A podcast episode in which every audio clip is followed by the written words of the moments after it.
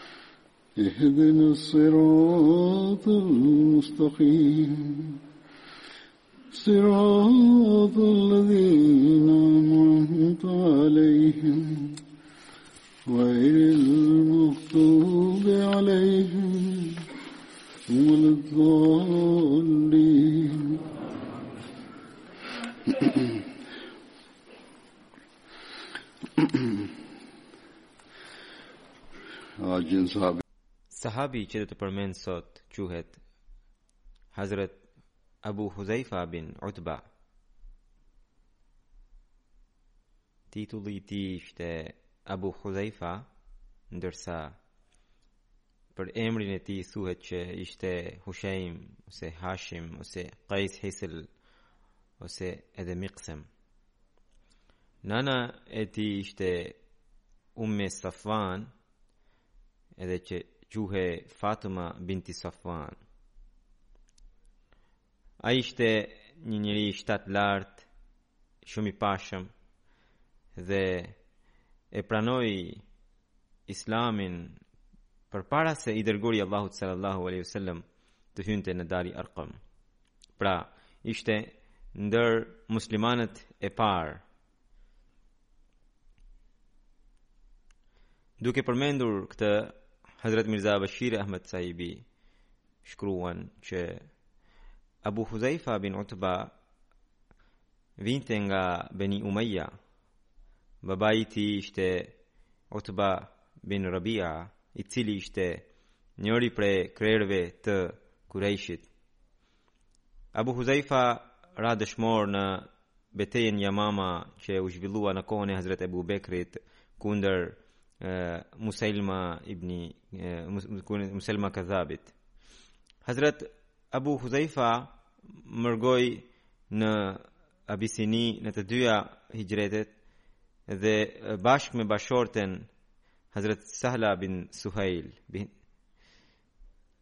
Në lidhje me mërgimin drejt Abisinisë, kemi përmendur edhe më herët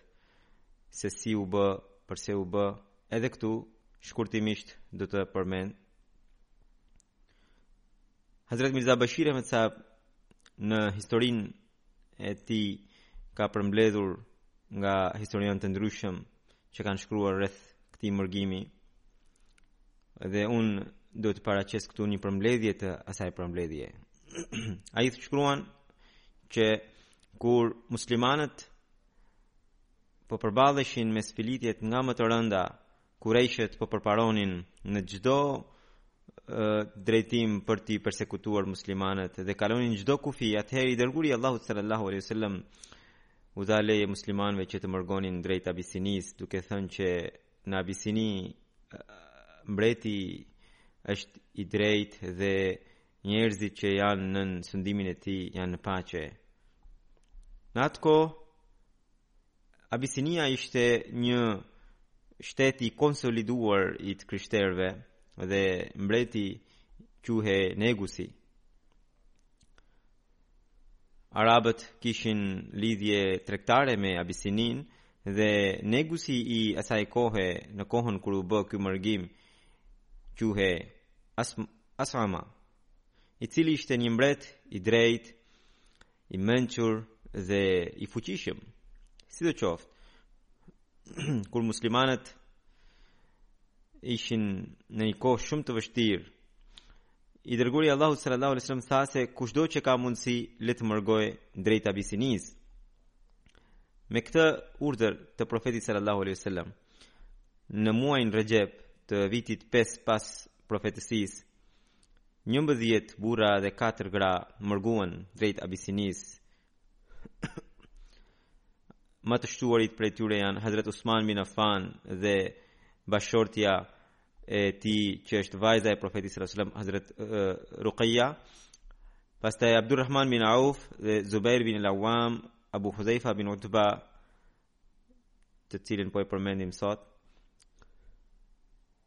Usman bin Maz'un,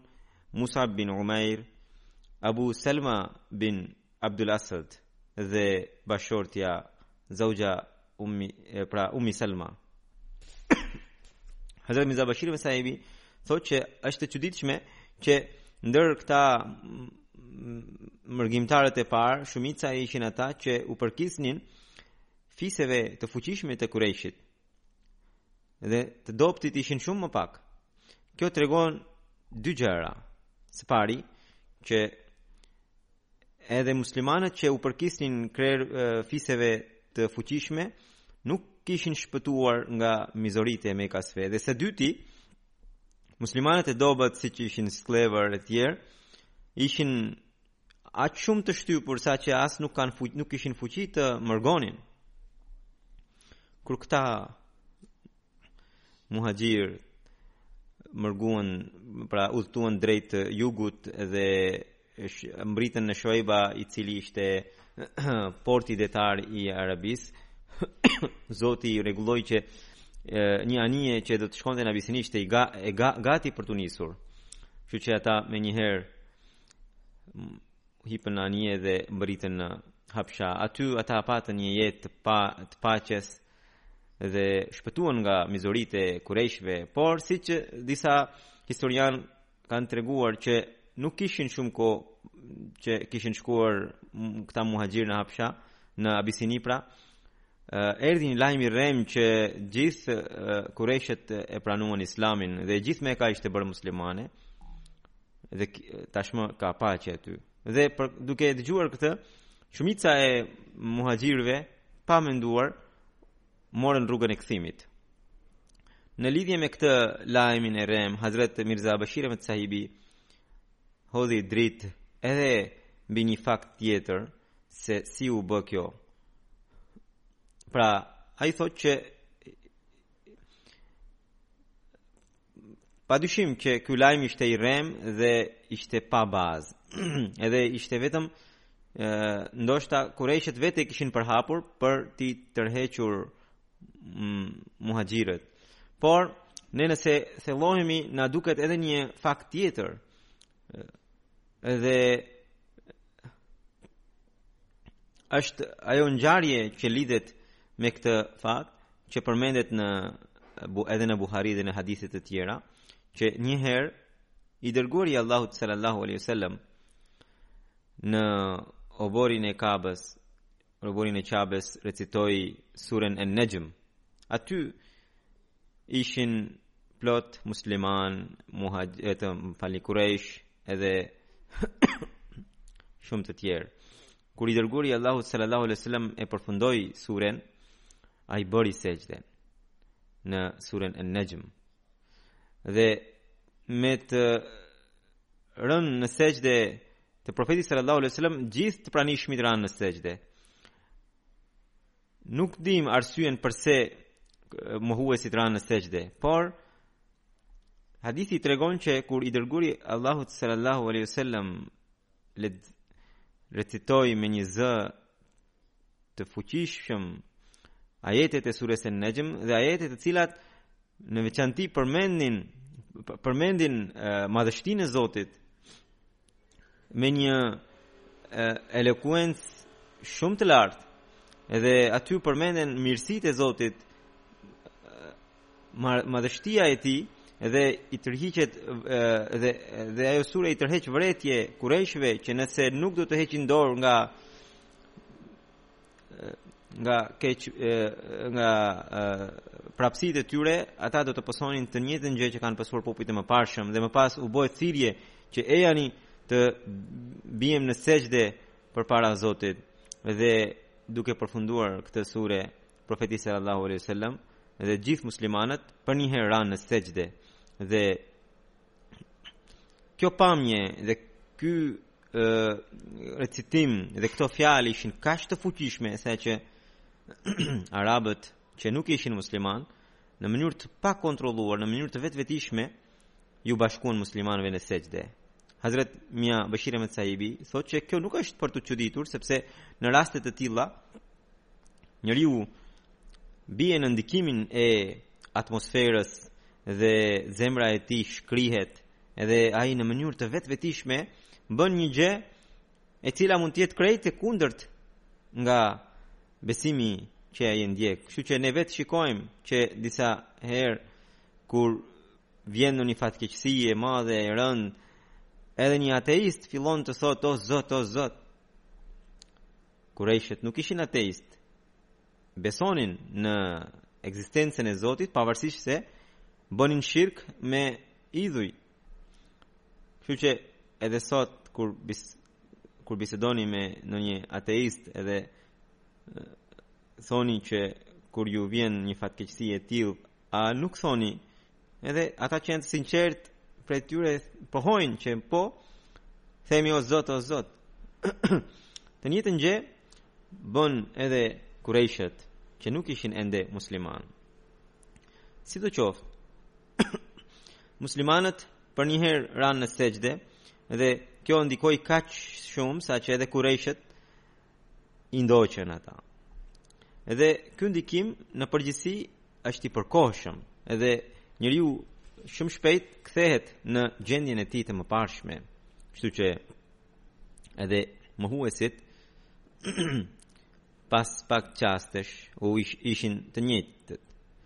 Pra, kjo është një ngjarje që përmendet në hadithet e sakta edhe në Buhari. Kështu që Kur muhaxhirët e Abisinisë morën lajmin edhe duket që kurejshët pas kësaj ngjarje e përhapën këtë lajm, sepse ata me padurim donin t'i thirrnin muhaxhirët në Mekë edhe dhe morën pretekst pikërisht këtë sexhden e tyre që për të treguar që ja jemi bërë muslimanë dhe Meka tashmë është në paqe. Kur ky lajm mbërriti nga Meka në Abisini, natyrisht se ata u gëzuan pa masë dhe nga gëzimi morën rrugën e kthimit pa menduar dhe pa hulumtuar, por kur iu afruan Mekës e kuptuan realitetin. Dhe atëherë disa prej tyre fshetas ë hynë në Mekë, disa prej tyre morën garanci nga ndonjë njeri i fuqishëm i Mekës, e disa të tjerë u kthyen përsëri andej nga kishin ardhur. Kështu që në qoftë se lajmi i kurejshëve kishte një vërtetësi, mund të ishte pikërisht ky që që gjendet në sexhden e surës e Nexhmit Zoti e di më mirë. Sidoqoftë, mërgimtarët në qoftë se janë kthyer, shumica një pjesë e madhe prej tyre përsëri u kthyen dhe ngaqë kurejshët dita ditës shtonin mizoritë dhe dhe keqbërjet e tyre ndaj muslimanëve për këtë arsye i dërguari i Allahut sallallahu alaihi wasallam tha edhe muslimanëve të tjerë edhe ata pastaj mërguan fshetas dhe kështu ky mërgim ky hixhret vijoi të bëhej aq saqë në Abisini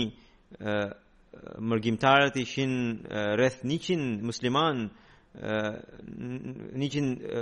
dhe 18 prej tyre ishin gra edhe profeti sallallahu alajhi wasallam i kishte mbetur shumë pak muslimanë të zgjedhur ky hixhret quhet hixhreti i dytë drejt Abisinisë në historinë e Islamit Edhe pra hixhreti i parë ishte ai që bënë ata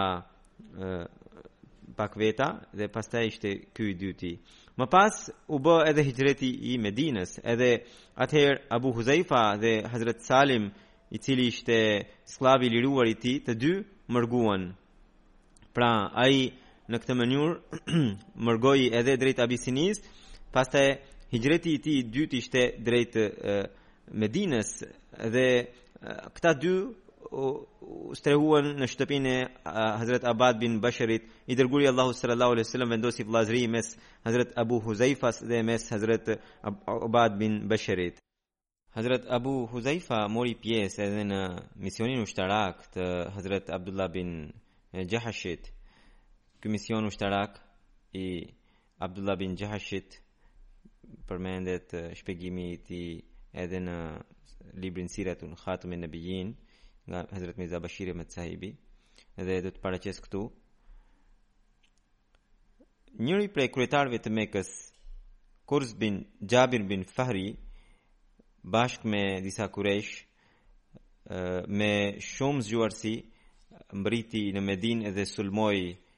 befasisht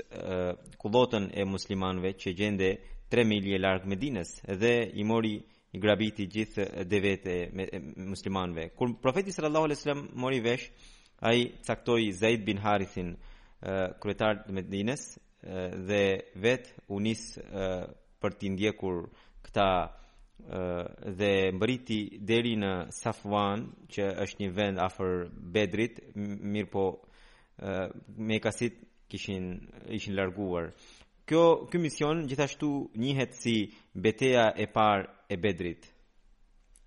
Më pas thuhet që Kurz bin Xhabir sulmi i tij nuk ishte një sulm, një një plaçkitje prej beduinesh, por ishte i mirëmenduar dhe e, dhe për që kishte synimin për të shkatërruar muslimanët dhe pra kurejshët me vendosmëri donin të shqetësonin muslimanët dhe madje mu, kishte mundësi që ai pikërisht profetin Muhammed sallallahu alaihi wasallam donte ta lëndonte por ngaqë duke i gjeti muslimanët të zgjuar dhe nuk arriti t'i prekte dhe thjesht pastroi kullotën Kështu që kjo tregon që kurejshët gjithashtu ë domethënë mendonin që me këto sulme të tilla do t'i shqetësonin pa mas muslimanët. Pas këtij sulmi të beftë të Kurz bin Jabirit, muslimanët u frikësuan jashtëzakonisht shumë, sepse ata kanë pasur më përpara kërcënimin e kurejshëve të cilët kishin thënë që do ta sulmonin Medinën dhe do t'i vrisnin gjithë muslimanët dhe ky tani sulmi në mënyrë praktike do t'i shqetësonte akoma më shumë për shkak të këtyre rreziqeve i dërguari i Allahut sallallahu alaihi wasallam vendosi që të merrte informata për strategjinë e kurejshëve Pra, të shikonte se cili është strategji, cila është strategjia e tyre, cilat janë e, mendimet e tyre. Dhe për këtë arsye, profeti sallallahu alaihi wasallam mendo, mendonte që të dërgonte ndonjë çetë ushtarak, ushtarake në mënyrë që të informohej për çdo lëvizje të kurejshëve në kohë, në që të reagonte siç duhet për të mbrojtur Medinën dhe për të mbrojtur muslimanët. Kështu që për këtë arsye profeti Muhammed sallallahu alaihi wasallam zgjodhi 8 muhaxhirë dhe me mençuri zgjodhi njerëz të tillë të cilët u përkisnin fiseve të ndryshme të Kurejshit në mënyrë që ata të kishin akses për të marrë informata nga ato fise dhe si kryetar zgjodhi djalin e hallës së tij Abdullah bin Jahash dhe në këtë çetë ishte edhe Huzaifa bin Utba dhe duke menduar që edhe muslimanët nuk duhet të merrnin vesh për këtë mision të fshehtë ushtarak profeti sallallahu alaihi wasallam nuk i tregoi as kryetarit të kësaj çete se për çfarë dhe ku do ta dërgonte dhe vetëm duke i përcjellë i dorëzoi një letër të vulosur duke thënë që ju do të udhëtoni në këtë drejtim edhe kur do ta keni kaluar udhëtimin e dy ditëve atëherë do ta hapni letrën edhe do ta lexoni edhe do ta gjeni udhëzimin kështu që Abdullahu bashkë me shokët e tij e zbatuan urdhrin e profetit sallallahu alaihi wasallam dhe kur kaluan dy ditë duke udhëtuar ata e hapën letrën dhe lexuan dhe gjetën këtë udhëzim ku profeti sallallahu alejhi ve sellem u drejtohej që ata të shkonin dhe ata të shkonin në luginën Nakhla që gjende mes Mekës dhe Taifit dhe duke qëndruar atje të merrnin informata rreth strategjisë së Kurejshëve dhe ta njoftonin profetin sallallahu alejhi ve sellem në kohë Dhe ngaqë ky mision ishte shumë i rrezikshëm, ë dhe për këtë arsye profeti sallallahu alajhi wasallam gjithashtu shtoi që kushdo nga ju që dëshiron të mos marrë pjesë në këtë mision, le të kthehet edhe porositi kryetarin e misionit, pra Abdullah bin Xhahshit, që ai të mos e pengonte një njeri të tillë. Abdullahu ua lexoi porositë e profetit sallallahu alejhi ve sellem gjithë pjesëmarrësve pra të tetëve. Ata njëzëri thanë që ne patjetër do ta zbatojmë porosinë e të dërguarit të Allahut sallallahu alejhi ve sellem. Dhe ata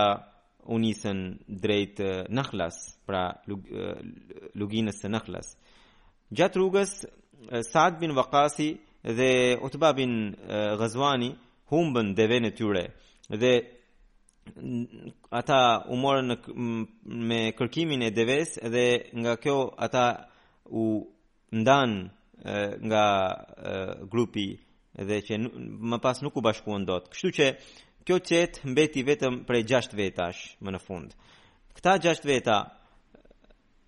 vijuan misionin dhe mbërritën në luginën Nakhla dhe filluan punën e tyre. pra që të merrnin informata të strategjisë së Mekasve dhe ta dërgonte profetin sallallahu alaihi wasallam njoftimin në kohë. Dhe për këtë arsye ata rruan edhe kokën e tyre e, që të mos zbuloheshin dhe në mënyrë që edhe banorët e Nakhlas të mendonin se këta nuk janë muslimanë, por janë thjesht udhëtarë edhe do të shkonin për të bërë umra drejt e, në, në Mekë. Nuk kishin kaluar ende shumë ditë që e, ata u u ndeshën me një çetë tjetër të kurejshve, pra të mekasve, i cili po shkonte nga Taifi drejt Mekës. Kurejshët menjëherë i njohën e, se ata ishin muslimanë dhe ishin mekasit. Pra, por që jetonin në Medinë. Dhe kështu këta këto dy çeta u përballën dhe ishin gati për t'u ndeshur. Muslimanët u këshilluan me njëri-tjetrin dhe ngaqë i dërguari i Allahut sallallahu alaihi wasallam i kishte dërguar ata për e, një për të marrë informacion në mënyrë të fshehtë dhe tashmë ata ishin zbuluar dhe e, në qoftë se ata e, Pra këta kurejsh do të shkonin në Mekë, do ta zbulonin se për çfarë kishin ardhur. Dhe gjithashtu, një një tjetër vështirësi ishte që disa muslimanë thoshin se kishin hyrë në muajin Rexhep. Muaji Rexhep ishte muaj i shenjtë dhe lufta ishte e ndaluar në këtë muaj. Ndërsa disa të tjerë thoshin se jo, ende nuk kemi hyrë ose e kemi kaluar muajin Rexhep. ë sepse Sipas disa transmetimeve, Profeti sallallahu alejhi ue sellem e kishte nisur këtë çetë në muajin Xhamadi ul Akhir, pra në Xhamadi Usani, dhe pas Xhamadi Usani vjen muaji Rexhep, i cili është muaj i shenjtë dhe nuk lejohet lufta. Dhe për pra në këtë mëdyshje edhe në këtë vështirësi që misioni i tyre do të zbulohej, ata me emrin e Zotit vendosën ta sulmonin çetën që e kishin përballë. Dhe pas këtij sulmi, njëri prej kurejshëve, pra mohuesve të Mekës, Umr Amr bin Al-Hazrami u vra, dy të tjerë ranë rob dhe i katërti uh, arriti të arratisej dhe ai natyrisht shkoi në Mekë dhe uh, u përhap lajmi që muslimanët i sulmuan mekasit. Nga ana tjetër,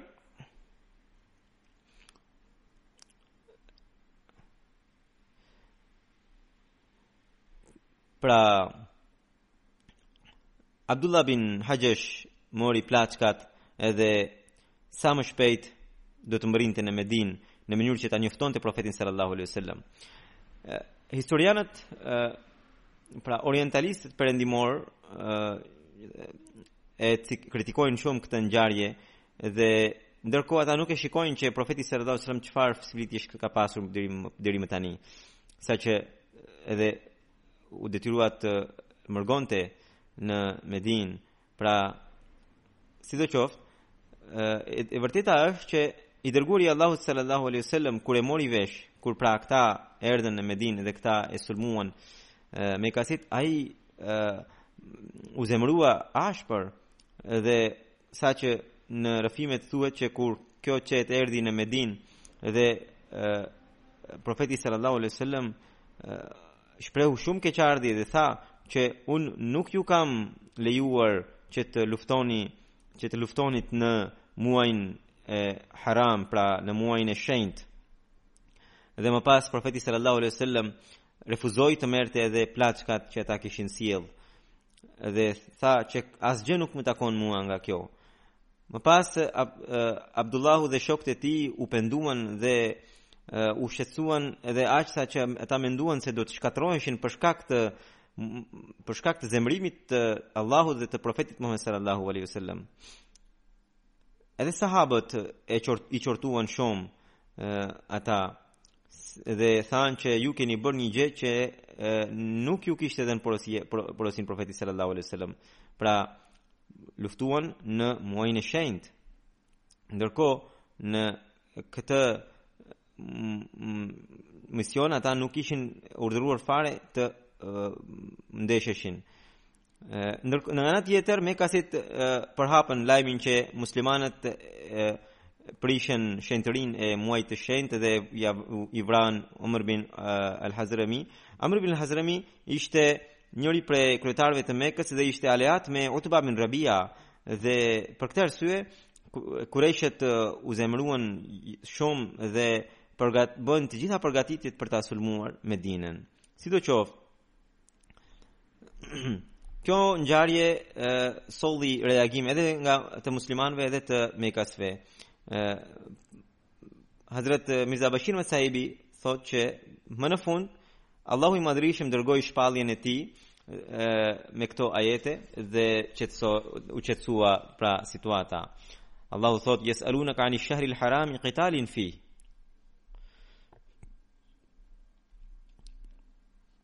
Qul qitalun fihi kabirun wa saddun an sabilillahi وكفر به والمسجد الحرام وإخراج أهله منه أكبر عند الله والفتنة أكبر من القتل ولا يزالون يقاتلونكم حتى يردوكم عن دينكم إن استطاعوا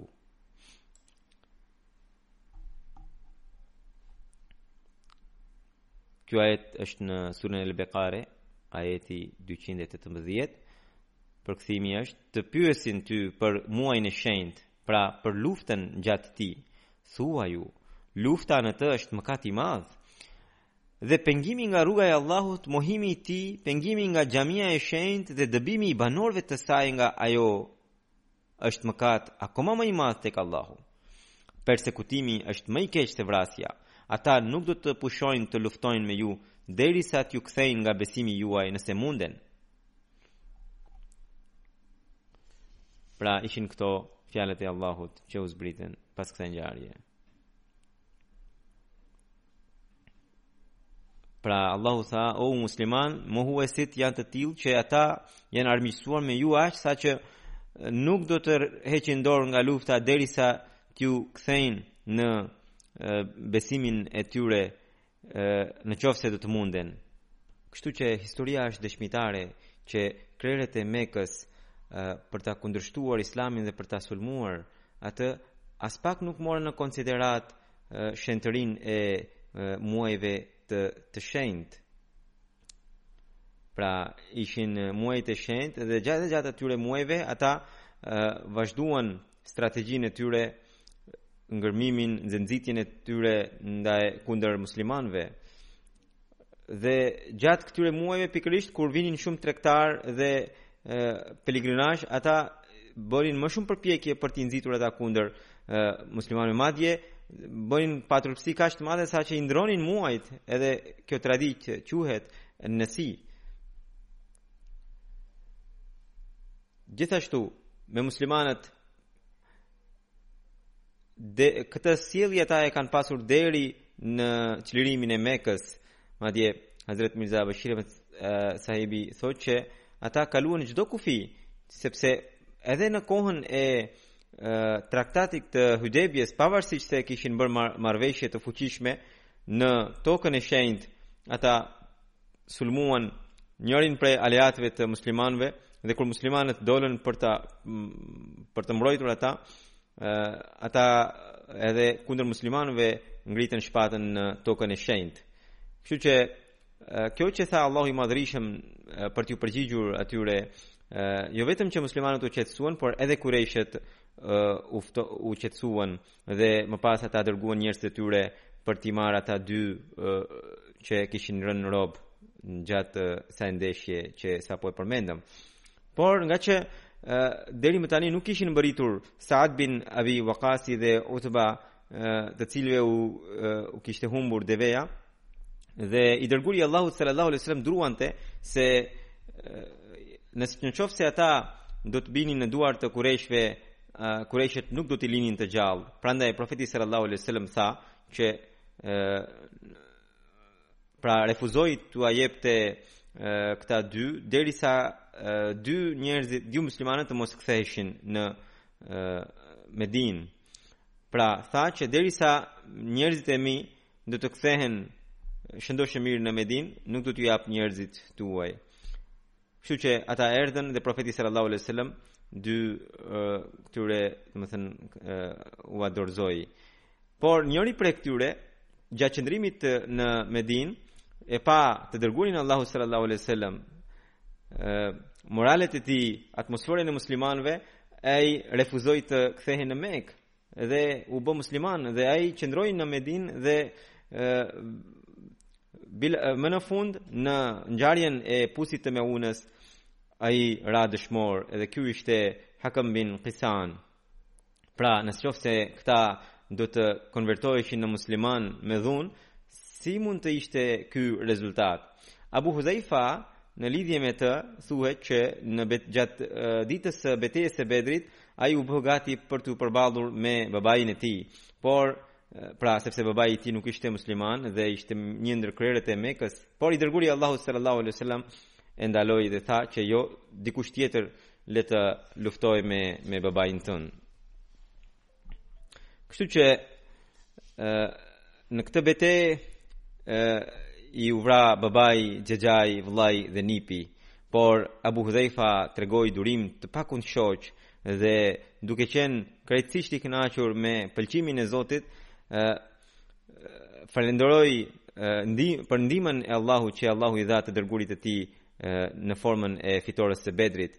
Ka edhe një rrëfim tjetër në lidhje me këtë ngjarje që e transmeton Ibn Abasi që ditën e Bedrit I dërguari i Allahut sallallahu alaihi wasallam ditën e betejës së Bedrit, i dërguari i Allahut sallallahu alaihi wasallam tha që ai që do të ndeshet me Abbasin, le të mos e vrasë,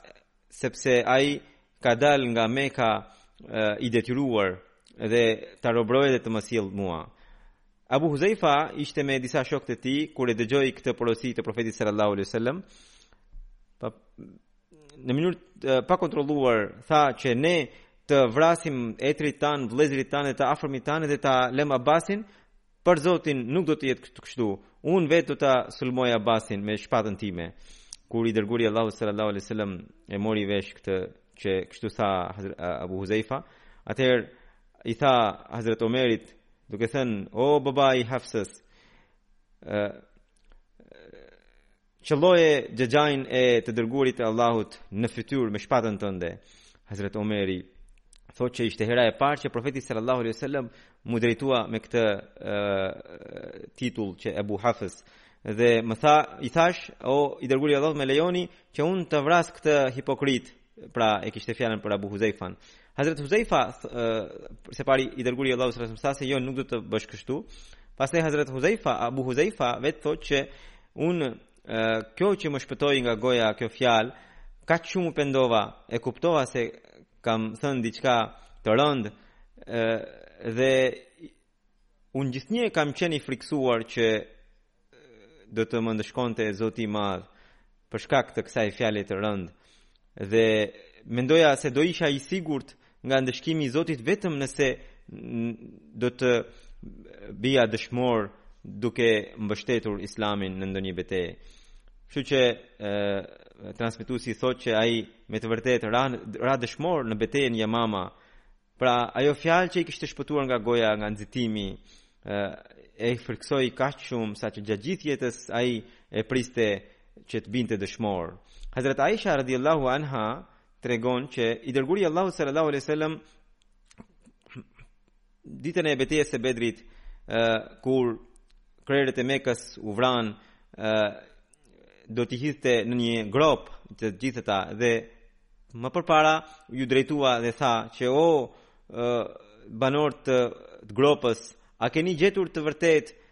premtimin që kishte bërë zotat tuaj dhe më pas tha po pa, për zotin unë e kam gjetur të vërtet premtimin që më kishte bërë zoti im pra ai premtim ishte që zoti do t'i ndëshkonte ata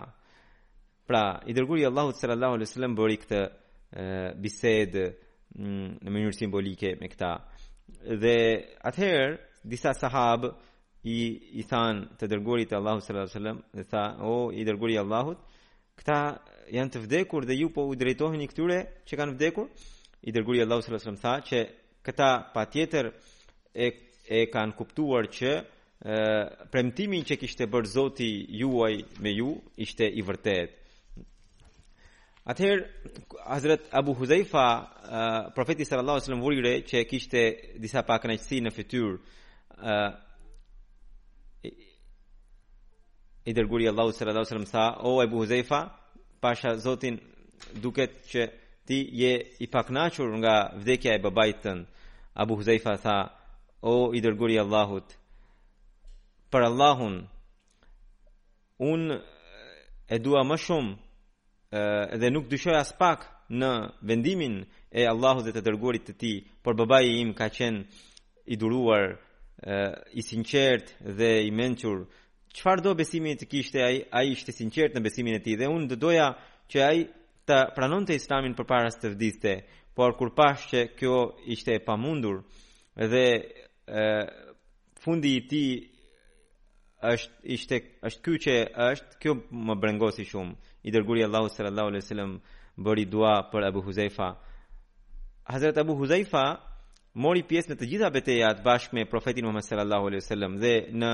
gjatë kohës së kalifatit të Hazrat Abu Bekrit ai ra dëshmor në betejën Jemama në moshën 53 apo 54 vjeçare. Tani do të përmend një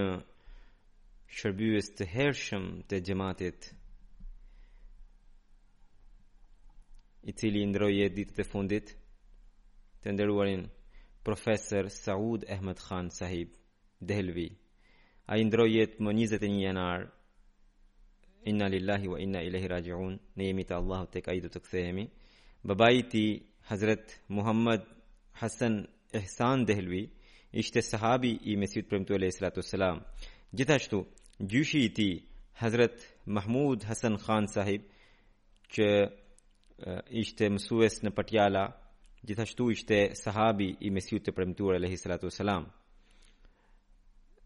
atë pra gjyshin e tij Hazrat Mesihu i Premtuar alayhi salatu wasalam rreshtoi mes 313 sahabëve të tij në numrin 301 duke përmendur Molvi Muhammad Khan Sahib mësues nga Patjala. Hazrat Mesihu i Premtuar alayhi salatu wasalam gjithashtu në librin e tij Siraji Munir duke përmendur kontributet e, e anëtarëve të xhamatit për kuzhinën e xhamatit, përmendi edhe emrin e tij duke thënë Molvi Muhammad Hasan Khan Sahab nga Patjala. Profesor uh, Saud Ahmed Khan Sahibi uh, pra babai i tij ishte 10 vjeç kur ishte në Kadian dhe me sytë e tij dësh, pa pra dëshmoi ngjarjen e hutbes së shpallur të Hazrat Mesihut të Premtuar Alayhi Salatu Selam. Profesor Saud Khan Sahibi i ndjeri pra bëri dedikimin në vitin 1945, ai bëri bachelor nga Aligarh në gjuhën fars perse, pra Hazrat Kalifi i dytë në një hutbë të tij në vitin 1955 tha që unë mendoj që Master Muhammad Hasan Ehsan Sahibi dha një model që është për t'u lavdëruar. Ai ishte një mësues i thjeshtë, ishte njeri i varfër. Duke ë pra mezi arrinte bukën e gojës, por prapë se prapë shtatë djem të tij i arsimoi dhe tre, më falni, katër prej tyre ia dha xhamatit. Edhe të katërtët po shërbejnë xhamatit në atë mënyrë që është që është i denjë për t'u dedikuar. Po të mos ishin këta të dedikuar, shtatët E pra të shtatët e, do ta ndriçonin emrin e babait të tij dhe e, dhe ata do të thoshin se babai ynë ka qenë kaq i, i mirë ndaj nesh. Por kur kjo hutbja ime do të botohet, miliona ahmedianë në të ardhmen do ta përmendin emrin e Muhammed Hasan Sahibi duke thënë se çfarë ahmediani ka qenë ai, që prej 7 djemve të në radhë të parë të, të, të shtatët i arsimoi edhe katër prej tyre ia dedikoi xhamatit. Edhe edhe të katërt u e pra mm, ia dolën nijetit të babait të tij duke qenë dedikues të shkëlqyer në gju, në qershor të vitit 1946 deri në 1949 tetor të atij viti ai ishte mësues në Talimul Islam High School ai gjithashtu ishte profesor në Xhamia Ahmedia për gjuhën angleze Hazret Kalifi i dytë atë e dërgoi në vitin 1950 në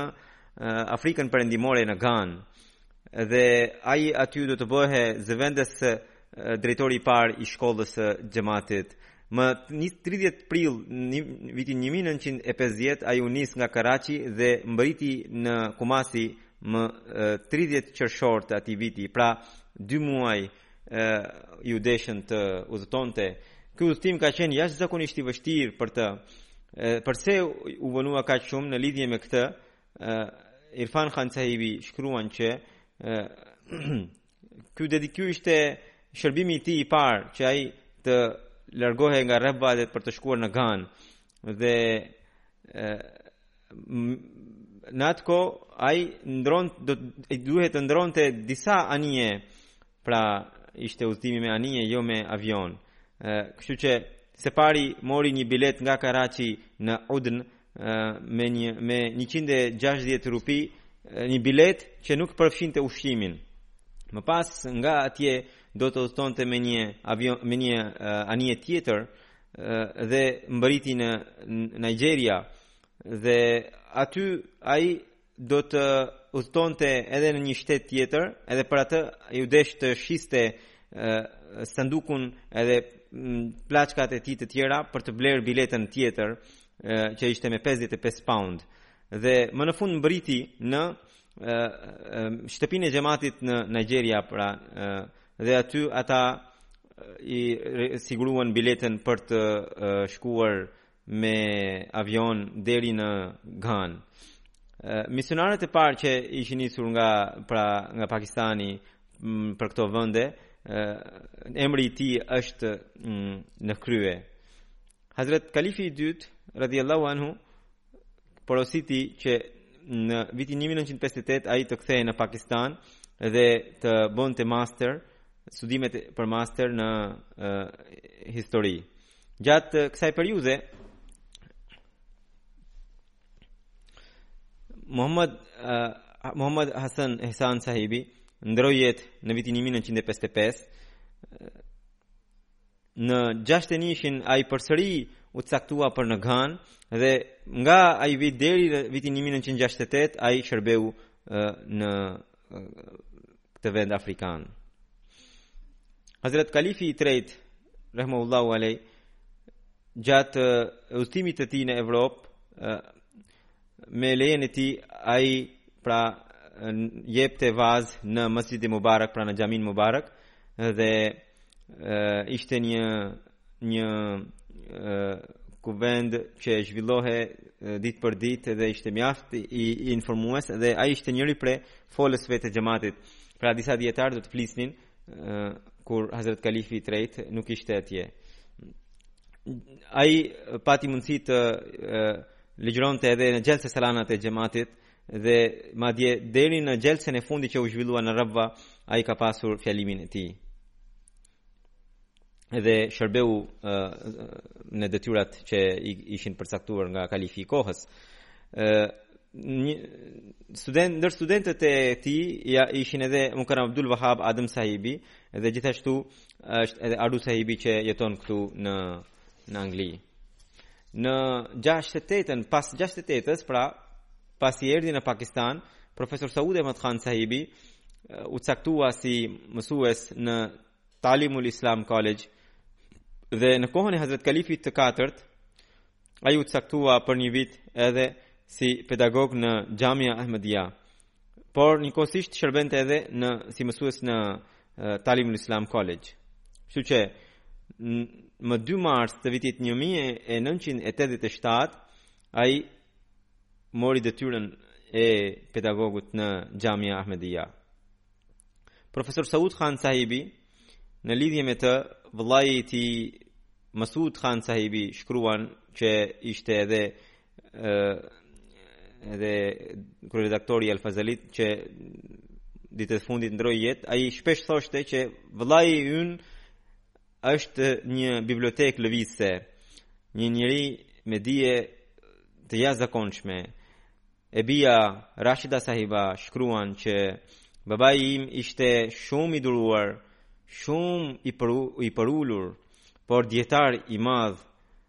i përpikt në namazin, namazet e tahajjudit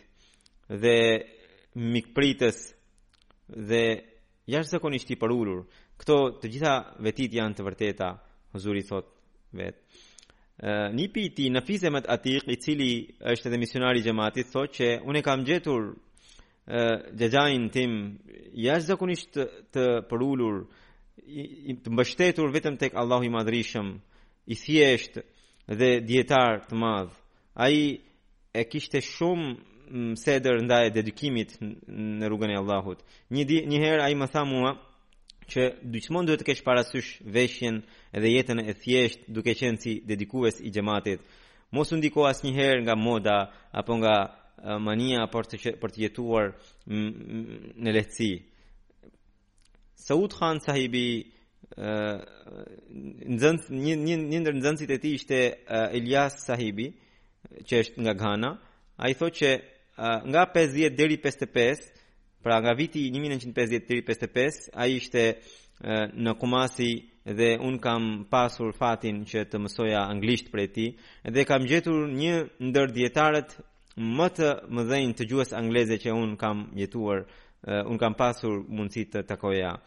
dhe sidomos në gramatikë dhe në sintaksë dhe në përzgjedhjen e fjalëve Mubashir Ayaz sahibi i cili është është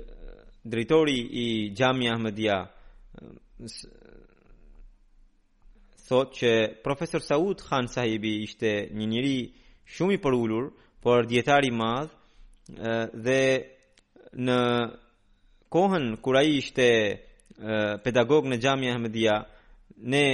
thotë ai, edhe unë isha student dhe ai ishte shumë i përpikt edhe në mësimet dhe ndodhte shpesh që ne djem të rinj që ishim përpiqeshim ta ta bindnim që sot të mos bënim mësim dhe të bënim bisedat e ndryshme, mirëpo ai jo se na zemërohej, por me shumë marifet na bindte që ne më mirë të vijojmë mësimin.